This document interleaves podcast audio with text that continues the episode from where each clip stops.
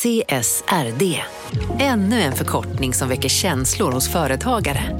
Men lugn, våra rådgivare här på PWC har koll på det som din verksamhet berörs av. Från hållbarhetslösningar och nya regelverk till affärsutveckling och ansvarsfulla AI-strategier. Välkommen till PWC. Upptäck hyllade XPeng G9 och P7 hos Bilia. Våra produktspecialister hjälper dig att hitta rätt modell för just dig. Boka din provkörning på bilia.se xpeng redan idag. Välkommen till Bilia, din specialist på XPeng. Ja, Hallå? Pizzeria Grandiosa? Jag vill ha en Grandiosa capriciosa och en pepperoni. något mer? Med kaffefilter. Ja, Okej, ses samma. Grandiosa, hela Sveriges hempizza. Den med mycket på.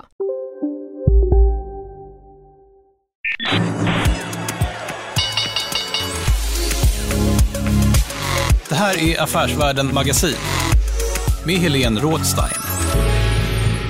Hej och hjärtligt välkomna till podden Affärsvärlden Magasin. Jag heter Helene Rådstein och nu sitter jag här med Ylva Gnosse som är expertkonsult på analysföretaget Regi. Välkommen hit. Tack så jättemycket, Helene.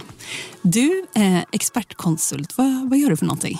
Jag eh, jobbar med eh, branschanalyser, övergripande, Ja. på egentligen tre projekt där eh, advokatbyråbranschen är den största och det jag jobbar mest med. Jag jobbar med Investor Relations.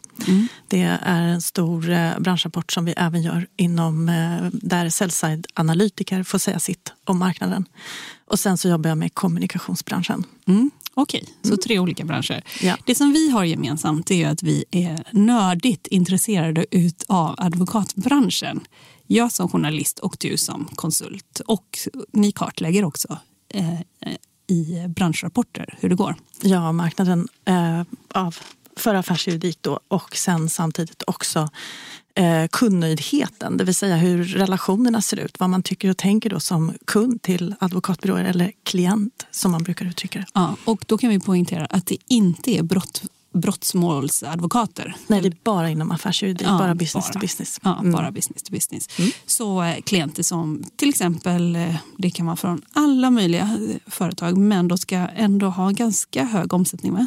Ja, då måste jag ha köpt eh, advokatbyråtjänster för eh, minst 100 000 per år. Men eh, de flesta har faktiskt köpt för över miljonen per år. Så att det här är ju marknaden för affärsjuridik omsätter miljardbelopp såklart. Ja, verkligen. Stor marknad och den växer. Ja, och vi kan ju säga, vi på Affärsvärlden, vi har ju också, eh, vi släpper också en rapport eh, och den inte alls, vi fokuserar inte alls på klienterna, vad de tycker som ni gör. Utan vi fokuserar bara på pengarna, hur mycket man drar in och så kartlägger vi hur, hur mycket pengar man drar in och hur det också går för olika byråer. Men inte bara det, utan vi ser också till till exempel jämställdhet på byråerna och hur eh, eh, hur mycket varje delägare drar in till exempel som ett mått och sådär. Men om man ska Eh, du och jag, vi ska ju hålla ett ganska stort event här. Eh, och nu spelar vi in på måndag. Vi ska hålla det på torsdag på Berns. Det har varit lite svettigt, eller vad säger du? Mm, ja, det är väldigt eh, intressant. Vi undrar varje dag hur covidläget ser ut och Ja. Om vi kan hålla det enligt FHMs eh, regelverk men, eh, och anvisningar. Men det kommer vi att göra. Så Ja. att det, det känns ju fantastiskt. Ja, ja det känns fantastiskt spännande. Ja, Mm. jättespännande. Och på det här eventet så kommer ni på regi, ni kommer utse årets advokatbyrå. Jag kommer vara med och moderera lite grann. Det kommer vara eh, chefsjurister från väldigt stort. Kan du berätta lite om vilka som kommer? Ja, eh, Regi har ju gjort den här eh, studien då, eh, sedan 2008. Och, eh, till skillnad från andra rankinginstitut så delar vi ut utmärkelser till de advokatbyråer som lyckas bäst med klientrelationerna. Och här är det då eh, klientrelationen enligt 13 kriterier i nöjd klientindex som bestämmer vem som sedan får utmärkelsen. Vi delar alltså ut pris i fem kategorier Ja. enligt intäkt, storlek på intäkter, byråintäkter. Mm. Och det är ju stor skillnad på om man är en advokatbyrå vilka jobb man har. Alltså vad man arbetar, om du arbetar med en börsintroduktion eller om du arbetar med att splittra Atlas och Epiroc i två delar så är ju det en jättetransaktion och sådär till exempel. Det, det är väldigt stor skillnad på uppdragen ju. Absolut. Ja, och det avspeglar sig också i byråkulturen. Vem, kan du nämna vem som blir årets advokatbyrå eller vilka då som blir årets advokatbyrå 2021? Eh, bland de allra största byråerna så är det Rocher som eh, kammar hem priset för andra året i rad faktiskt. Mm. Den eh, finlandssvenska byrån Mm. som jobbar med de allra största klienterna. Mm. Och, ehm, och här drog jag ju faktiskt precis upp ett exempel här med Epiroc och eh, Atlas. Och jag kommer ihåg när Epiroc noterades och de hade splittrats. Då, då vet jag att eh, eh, Rocher hade varit med i den, till exempel splitten. Bara som en sån. Men det här är ju länge sedan. Ja, de vinner, okej, vad kul. Mm. Och sen så har vi då en faktiskt delad första plats i eh, nästa kategori och det är alltså Cederqvist och eh, advokatbyrån Delphi Mm. Som delar första platsen. Eh, och eh, det är, det är jätteroligt. Cederqvist har ehm, ständigt haft bättre placeringar i vår studie och kommer nu på första plats med Delphi då, som har vunnit flera gånger. Och eh, Cederqvist med Tone Myhre Jensen som managing partner till exempel. Absolut. Ja. Och, och Delphi är ganska mycket IT va? Som de håller på med. IT-juridik. Och... Traditionellt så har ju Delphi haft den profilen. Ja. Ehm, digital transformation, Ja. IT. Och, ehm, de, man skulle kunna säga att, att de fortfarande har det. Men eh, däremot så har de ju utvecklats även till att, att vara en bred advokatbyrå som tar större uppdrag även inom transaktion, på transaktionsmarknaden. Mm. Däremot Cederqvist är ju en eh, erkänd transaktionsbyrå som jobbar mycket med bank och finans. Mm. En av de s- större också. Ja, Mm. båda är det. Ja. Ehm, och eh, då går vi vidare till eh, nästa kategori. Vem vinner den? Det är advokatbyrån Fylgia. Ja. Ja, har funnits länge, lite annan profil. Mm. Eh, traditionellt ganska stark inom eh, eh, konkurser och eh, rekonstruktioner, men eh, också eh, breda. Mm. Jobbat länge med långsiktighet eh, avseende kundrelationerna Mm. och väldigt duktig på det. De har också vunnit flera gånger. Mm. Mm. Och sista kategorin, vem vinner den? Det är ju eh, advokatfirman Krusner som kommer då från Göteborg. Och de är ju ganska speciella för att eh, de vann första gången förra året och har då tagit en bra position när det gäller digital transformation. De har lanserat en app som heter ratt.nu eller rätt.nu där eh, deras klienter även får hjälp digitalt vilket är en skillnad från andra advokatbyråer. Så det är lite framtidsorienterat måste jag ändå säga. Mm. Mm, jag fattar. Kul. Vad heter det? Eh, det delas ju ut priser ju ofta. Liksom den är årets eh, advokatbyrå. Så vad utmärker liksom er, ert pris på årets advokatbyrå? Just årets advokatbyråpriset eh, är ju exakt bara hur nöjda kunderna är. Alltså klientnöjdhet. Och vårt underlag är ju lite större än vad andra eh, institut använder för underlag. Så att eh, det är verkligen verifierat. Eh, och ehm, jag tycker att det är viktigt ändå att se till just, eh, om man gör referens till er ranking då på Affärsvärlden med vilka som omsätter mest och vilka som är mest lönsamma per partner och så vidare. Så tycker jag att den typen av information är naturligtvis eh, eh, oerhört viktig eh, också när man till exempel överväger att samarbeta med en advokatbyrå. Eh, men för mig så är nog det ultima värdet ändå hur bra man presterar i relationen eftersom advokatbyråerna det är ju det de jobbar med. Det är ju det, det enda liksom som de lever av så att säga. Det är ju den konsultativa relationen med sina klienter. Om vi då blickar lite framåt. Vi har, eh, man kan säga, advokatbyråer, de går som tåget just nu Ja. på, inom affärsjuridik, eller hur? Ja, verkligen. Ja, det är bara det är börsnoteringar och det har också varit väldigt mycket man ska refinansiera sig och hela näringslivet har samtidigt då blivit juridifierat kan man säga. Ja, det kommer nya lagar och eh, regleringar hela tiden. Ja, och dessutom har ju rollen som jurist blivit allt mer intressant. Man är ju nästan som den nya ekonomen. En ekonom har man ju tänkt kan göra lite vad som helst. Ingenjör också. Eh, Men nu kan man väl säga de senaste åren så har man också upptäckt juristen. Att en jurist kan man också använda till lite vad som helst. Och då har allt fler också inom andra branscher och andra företag anställt jurister för att göra saker som inte alltid har med juridik att göra utan analys och sådär. Det är ju väldigt intressant som du säger för att eh, vi frågade eh, ett år vad man önskar för eh, kompetens hos sina advokater förutom då juridiken. Mm. Och då kom just ekonomiskt kunnande och affärsanalys mm. i topp. Ja. Så att just när man jobbar med affärsjuridik Mm. så ska jag säga att det är en nyckel och oerhört viktigt att ha just den här kunden, kunskap om kundens eh, marknad, verksamhet och eh, mm. förståelse för liksom, den ekonomiska biten. Det är superviktigt. Mm. De har jättemycket att göra och sen så har de också ett problem kan man säga. Eller ett, eh, man, först så verkar det nästan vara lyxproblem att de har mycket att göra. Och, och, ja, det är jättemycket att göra och vi sli, många säger att de sliter ju jättemycket. Väldigt många seniora advokater och delägare säger ju också det. Men lönerna har också skjutit i höjden nu.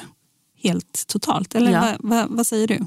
Ja, eh, jag har haft en diskussion med Helena eh, Woodcock eh, mm. på eh, Jurek mm. bemanning som också konfirmerar just att eh, lönerna verkligen, verkligen eh, skjuter i höjden. Mm. Och eh, ja, eh, det här är ju ehm, ett fenomen också på det sättet att eh, tittar vi på de mest populära arbetsgivarna för jurister mm. så är det ju ganska få advokatbyråer i topp. Jag tror att eh, Mannen Svartling kommer först på nionde plats så att det är betydligt mer attraktivt att jobba inom domstolsväsendet och mm. polisen och Säpo och mm. mm. eh, och samtidigt då så finns en stor brist, eh, eller en växande brist på eh, bra arbetskraft helt enkelt till advokatbyråerna. Eh, och jag, jag, tror att eh, det här kommer att fortsätta 2022. Mm. Eh, jag ser inte att det finns någonting som skulle hejda den här utvecklingen. Och då kommer vi till den här frågeställningen, okej okay, men vad behöver advokatbyråerna göra då för att bli mer attraktiva? Mm. Eh, här hamnar vi i en eh, diskussion kring eh, vad pandemin har gjort med mm. oss mm. som individer. Mm och med affärskulturer. Mm. Och eh, advokatbyråernas förmåga att skapa bra, eh, intressanta, kul arbetsplatser som mm. passar eh, kommande generationer och de generationerna som är verksamma idag. Mm. Och eh, just särskilja sig eh, ifrån eh, varandra så att det blir tydligt också för arbetstagarna vad det är man går till mm. och vad man kan förvänta sig. Mm. För att eh, vi frågar i studien då vad det är som gör advokatbyråerna unika. Eh, och det är inte så mycket som gör advokatbyråerna unika. Så att min spaning lite grann är ju att under 2022 så kommer advokatbyråer att eh, mejsla ut i eh, allt större grad vad de är bäst på och vad eh, som är bättre att jobba, eh, eller varför det skulle vara bättre då att jobba på en advokatbyrå jämfört med en annan. Och eh, just specialisering, det vill säga att man är lite bättre på något område, någon bransch eller någonting som inte andra advokatbyråer har kommit lika långt på, mm. tror jag också kommer att vara väldigt värdefullt. Mm. Och eh, ja, det här kommer vi till Eh, Eh, ett av mina favoritämnen då, ett område som vi har mätt i både investerarstudien och i eh, advokatstudien. Och det handlar om ESG slash hållbarhetsjuridik eh, eller hållbarhetsfrågor. Där vi också då kan se att eh, det är ett område som växer. Klienterna behöver hjälp inom det här området men vet inte riktigt idag hur och vad och hur, hur juridiken inom ESG-området skulle kunna eh, se ut, formas och vad som kommer här nu med disclosure-förordningen, taxonomin och så vidare. Mm. Och hur det kommer att ha, påverka företagen framöver. Mm. Eh, Nej, nej, det är ju eh, alltså. Jag läste en rapport här från Europeiska investeringsbanken och då säger europeiska företag också själva att det är väldigt otydligt eh, som en av de främsta punkterna. Det är väldigt otydligt vad som kommer gälla, vilka regler som kommer gälla framöver inom just eh, ja, miljöfrågor och ESG och sådär. Och eh, det, det återstår väl att se också vad den här EU-taxonomin, vad den faktiskt får för konsekvenser. Den är ju internationellt sett väldigt speciell att en union så ringar in. Det är det här detaljreglerar på det sättet. Men jag ska bara säga det här med lönefrågan. Alltså, jag tycker också det är intressant för att det har ju varit så här att eh, advokatbyråer dras ju med ett dåligt rykte på ett sätt. Att eh, det är väldigt tufft att jobba där. Samtidigt så finns det ju en uppsida som säger att eh, du får också utvecklas väldigt mycket. Du får lära dig väldigt mycket. Ja, du jobbar väldigt hårt. Men du lär dig också extremt mycket och det är också en prestigesak att jobba på advokatbyråer. Men tanken är ju att du ska jobba på och sträva efter att bli delägare. När då lönerna sticker iväg så mycket som de gör nu kan man då tänka sig att den strävan att du ska vilja bli delägare så småningom håller i sig om man ändå får ganska höga löneökningar mm. Eh, på vägen? det är faktiskt en, det är en bra och relevant fråga. Um, För det är hela affärsmodellen. Liksom. Ja, ja. ja, Vi har gjort studier där vi har um, i, på enskilda advokatbyråer frågat um, alla biträdande jurister om karriärvägar mm. och så. Och uh, här blir det ganska tydligt att uh, en del eller en hel del biträdande jurister vill inte bli delägare med Nej. allt ansvar och vad det innebär. Utan de är ganska nöjda med den situation de har och ja. Eh, kan till och med uttrycka liksom att... Ja. Marknaden sponsras av SPP, pensionsbolaget. Eh, förra gången pratade vi lite om ITP. Och som en kort repetition så, så var det ju 70-tal, arbetsmarknadens parter bestämde att alla tjänstemän ska ha en tjänstepension. Man kom överens om vilka villkor som ska gälla i den här pensionen och så kallade man den för ITP. Så jobbar man idag som tjänsteman i ett företag med kollektivavtal, då har man förmodligen den här pensionen, ITP-pensionen. Eh, och det är så att man kan påverka eh, den här pensionen, hur den är placerad. Vart femte år så gör nämligen Collectum, som de heter, en enorm upphandling där olika pensionsbolag kan ansöka om att få förvalta eh, de här pensionerna. Och SPP är ett av bolagen som valdes ut i den senaste upphandlingen. Och sen kan du som pensionssparare välja eh, vilket av de här olika pensionsbolagen som, som då ska få ta hand om dina pengar. Och tanken med den här upphandlingen det är ju att liksom kvalitetssäkra de här olika alternativen eh, men också att förhandla fram stora rabatter så att pensionsspararna ska få, ja, kunna spara pengar genom att avgifterna eh, som är så viktiga eh, blir eh, lägre. Och vill man välja någonting i ITP-systemet då finns det en relativt ny sajt som heter avtalat.se. Ehm, där kan man gå in och se hur sin ITP-pension är placerad. Jag gjorde det häromdagen faktiskt. Ehm, idén är att hälften av pengarna alltid ligger i något som kallas för traditionell försäkring. Det här gjorde vi ett avsnitt om i podden Kapitalet nyligen eh, som vi kallade världens bästa sparform. kan man lyssna på om man är intresserad. Eh, den andra halvan eh, den kan man också lägga i en traditionell försäkring eller så kan man placera det i något som kallas för fondförsäkring. Eh, SPP som sagt eh, var ju ett av de fåtal bolagen som valdes ut i den senaste upphandlingen och de finns med som alternativ både med en traditionell försäkring och med eh, fonder. Så det var en liten bakgrund till ITP-systemet. Vill man läsa mer om det här eller typ kolla hur ITP-pensionen är placerad, eh, kanske göra förändringar, då går man in på avtalat.se men tack säger jag till SPP som vill göra oss människor mer medvetna om hur enormt viktig pensionen är för oss som en framtida lön, men också som en positiv kraft i samhället eh, och förstås för att ni möjliggör eh, den här podden Marknaden. Men vi har mycket roligare i biträdande juristkollektivet här och vill liksom inte kliva över till att tillhöra de här ansvarsfulla, tråkiga delägarna. Mm. Som kanske också ligger en eller ett par generationer eh, före då biträdande juristkollektivet. Mm. Mm. Eh, så att eh, det, det är precis att inom ramen för en advokatbyrå så handlar det också om att göra eh, karriärvägarna attraktiva. Mm.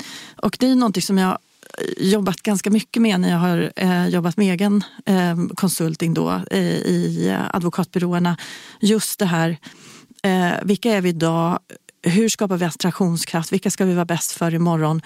Och hur synkar vi våran HR till detta? Mm. Och jag tror att det är minst lika viktigt att skapa bra karriärvägar för specialistroller för alla typer av människor och inte utgå från att eh, alla eh, har potential att bli eh, fantastiska delägare som drar in väldigt, väldigt mycket och är otroliga rainmakers. Mm. För att alla människor är inte liksom eh, skapta på det sättet. Utan det är mer som ett, en fotbollsplan. Mm. Där vi har eh, de som jobbar backend eh, och sen så har vi mittfältet och så har vi då de här stjärnorna som ligger i framkant och eh, drar in mycket uppdrag. Eh, och, så. och det gäller att hitta en bra balans på advokatbyråerna. Och sedan kommunicera även detta till studenterna så att alla känner att ja, här kan det finnas en plats för mig. Och sen är ju den här stora utmaningen är balans i livet eh, som alla är bekänt av att ha. Så att säga. Eh, och som kanske har varit svårt och där det finns också en eh, lite så äldre generationen som ser att ja, men det är självklart att man pytsar in 60 timmars veckor. Det är det som kommer med yrket och, och det måste man räkna med. Medan yngre kan känna liksom att nej, men jag jag vill jättegärna jobba på advokatbyrå men jag är supernöjd med att jobba inte vet jag, 30-40 timmar, särskilt under småbarnsåren. Och måste få briljera på de timmarna och på min advokatbyrå och i det jag gör och inte känna att det är tillkortakommande. Nej, ja, men det är väldigt eh, intressant. För innan, eller förr så kändes det som att eh, ja, det är lite hundår här. Eh, och det tyckte alla kanske var lite jobbigt. Men man var över generationerna så var man överens om att det var det som gällde. Och nu så verkar man inte vara riktigt överens i toppen, högst upp och lite lägre ner eller vad man ska säga. Eh, om vad som gäller. Eller är det rätt uppfattat? Ja, jag, jag kan tro att det är så Mm. eh, faktiskt. Ehm, jag tror att du har rätt. Och ehm, det här är ju nyckeln också till framtidens advokatbyrå. Mm. Att eh, just ehm, kunna möta detta på ett bra sätt. Mm. Och finna liksom plats för alla och samtidigt då eh, leverera. Ehm, jag tror att på den strategiska sidan så behöver också advokatbyråer fundera kring men vilka klienter ska vi vara bäst för då? Vi kanske inte kan ta in alla eh, utan vi behöver nischa oss, specialisera oss och bli bättre inom vissa områden för en viss typ av klienter. Vad ser vi mer då eh, om vi blickar framåt? Eh, vad finns det mer för utmaningar för advokatbyråerna skulle säga just nu? Ja, den stora utmaningen är ju naturligtvis eh, personalfrågan. Precis som du har nämnt. Men om vi lämnar den därhän så skulle jag säga då att, eh, att förstå och leverera på ESG för olika typer utav organisationer och företag. Det är en stor utmaning. Åter till analytikerstudien då, som visar till exempel när vi har gjort sektoranalyser att eh, industrisektorn brottas ju mycket mer med, med eh, eh, environmental då, i form av teknikskifte. Hur ska man eh, lösa eh, och bli så eh, klimatneutral i bästa fall som möjligt eh, inom en del basindustrier. Eh, medan då inom bank och finans så handlar allting om eh, governance, det vill säga penningtvätt eh, och den typen av frågor. Eh, strukturella omvandlingar. Eh, analytikerstudien visar också att eh, det är mycket transaktioner eh, i pipeline. Och det kan vi även se eh, i advokatstudien då, där vi frågar vilka utmaningar som klienterna har eh, inför framtiden. Och då svarar eh, de flesta M&A transaktioner. Va- vad ser man kommer öka här då inom från klientsidan? Vilken typ av juridik kommer man efterfråga mer eh, framöver? Är det M&A som toppar det? Eh, transaktionerna ligger eh, högst. Ja. Och sen så har vi eh, eh, tvistelösning, ökar. Ja, lite- intressant. Ja. Det är intressant att det, att det där börjar gå mer parallellt. Ja. Liksom, inte, ja. Och det, är ju, kö- det finns pengar att tvista för, Ja, så att säga. ja, ja. i ekonomin. Och sen så i kölvattnet av corona alla um, avtal och, och funderingar. Just det. ja. Du Så, skulle ha levererat, jo men vi kunde inte. Nej, Ja. och vad hände sen? Ja, exakt. Mm. Ehm, så att eh, det, tvistelösning eh, ökar och vi har ju även i rapporten en tvistspecial ehm, kring eh, den frågan.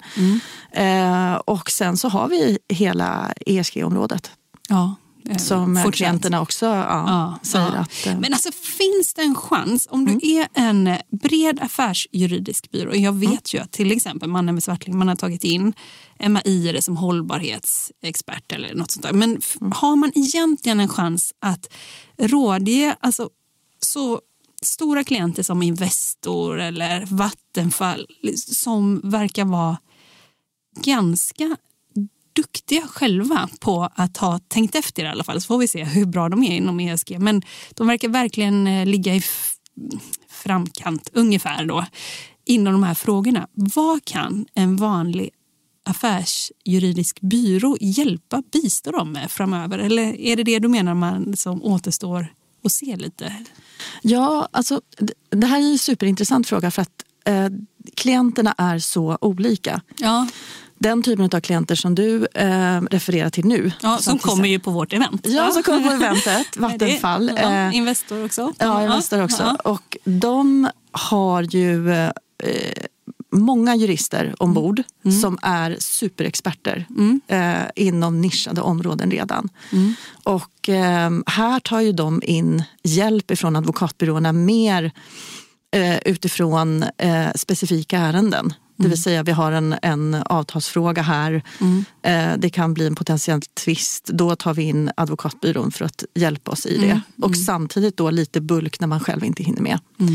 Eh, medan den, där jag tror att advokatbyråer kan göra en stor skillnad är alla de klienter som tillhör eh, medelstora på väg att bli större eh, mm. bolag mm. som har få eller inga egna jurister ombord mm. och eh, som famlar lite grann i de här frågeställningarna mm. och inte har den kompetensen att vare sig kunna vara eh, proaktiva och föregå eller vara ens compliant med den lagstiftning som nu kommer till mm. exempel. Mm. Utan eh, vill verkligen ha hjälp av en advokatbyrå för att se till att att eh, vara liksom, eh, ha ordning och reda på allting. Mm. Och eh, tittar vi då på inom vilka områden på ESG-frågan som man helst av allt behöver eh, hjälp med så kan vi se då, från eh, klientsidan? Från klientsidan. Ja. Så ser vi då att eh, nummer ett, och det är över hälften som svarar, det är regelefterlevnad enligt disclosureförordningen och taxonomin. Mm.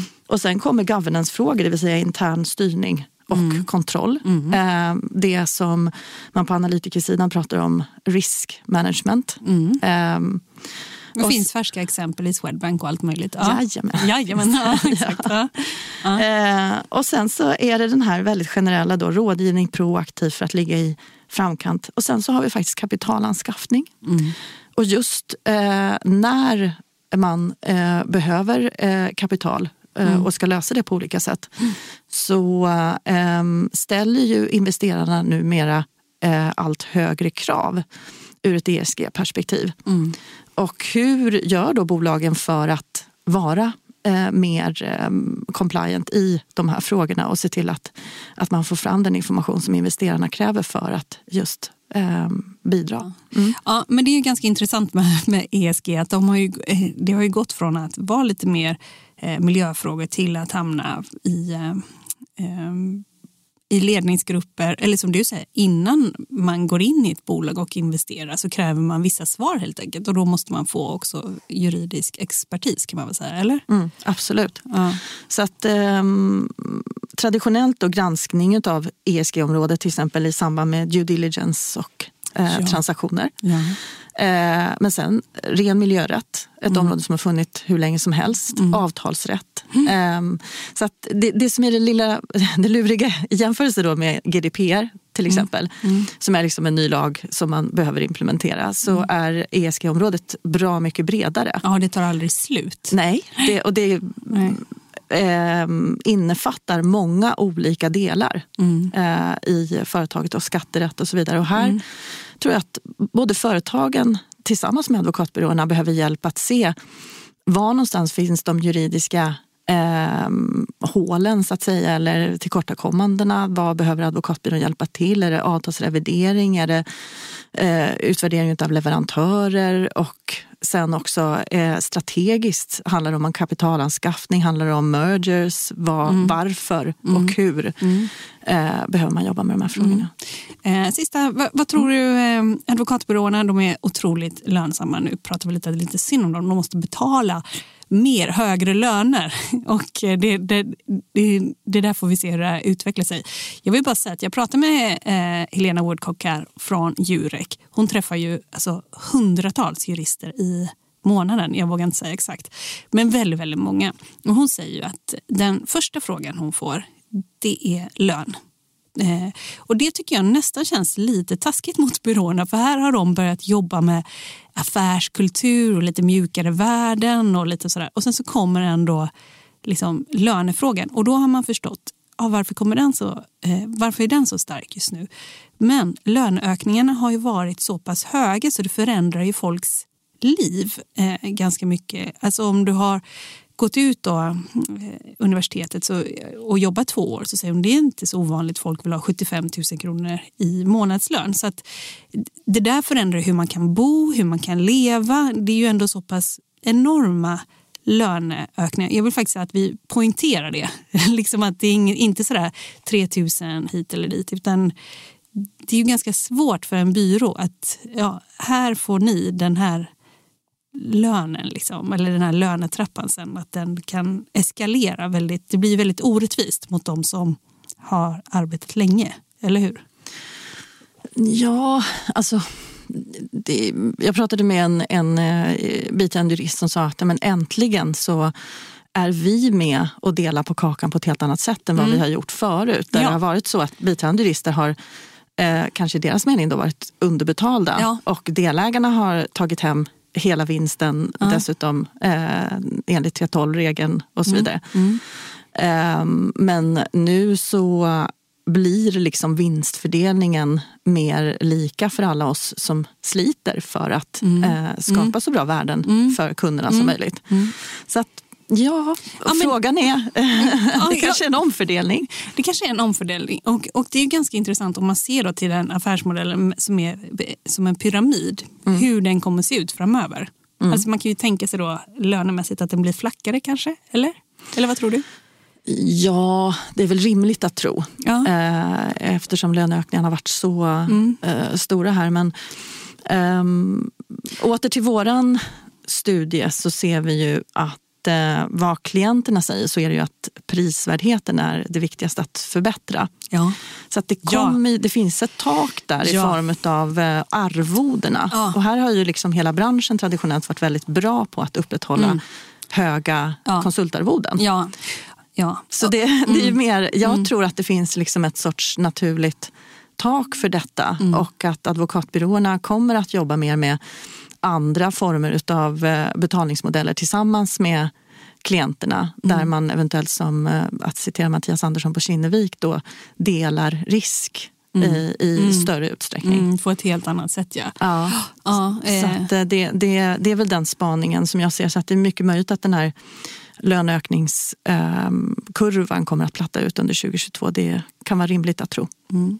Ja, intressant. Mm. Då eh, säger jag tack till dig Ylva Gnosse, expertkonsult för regi för att du kom och var med här i podden. Ja, men tack. Tack själv. Det var superintressant. Ja, tack. Och, mm. och sen så eh, ses vi här på eventet. Ja, men det gör vi ju. Ja.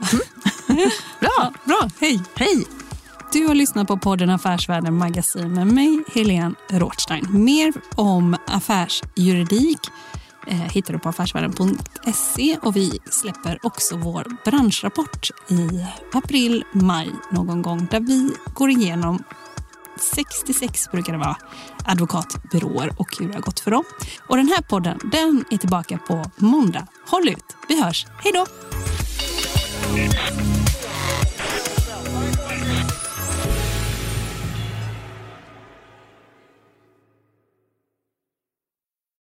Eh, marknaden sponsras av Karla. Eh, vi pratar ju en hel del om bilar här på kontoret. Eh, karla har ju skapat, skulle jag säga, det som är standarden för hur man idag köper och säljer bilar på nätet. Kort bakgrund bara. Karla säljer och leasar begagnade elbilar och laddhybrider på karla.se. Alltså en helt digital upplevelse. Och man har gjort det här med ett nästan maniskt fokus på vad en bilköpare faktiskt behöver. Jag gjorde ju en intervju med en av grundarna, Patrik Illerstig, i marknaden här eh, ganska nyligen, eh, daterad 25 mars, om man vill lyssna på den. Eh, men där berättar han hur de kom in i det här lite från vänster för att försöka uppfinna hela den här liksom bilköpupplevelsen från början.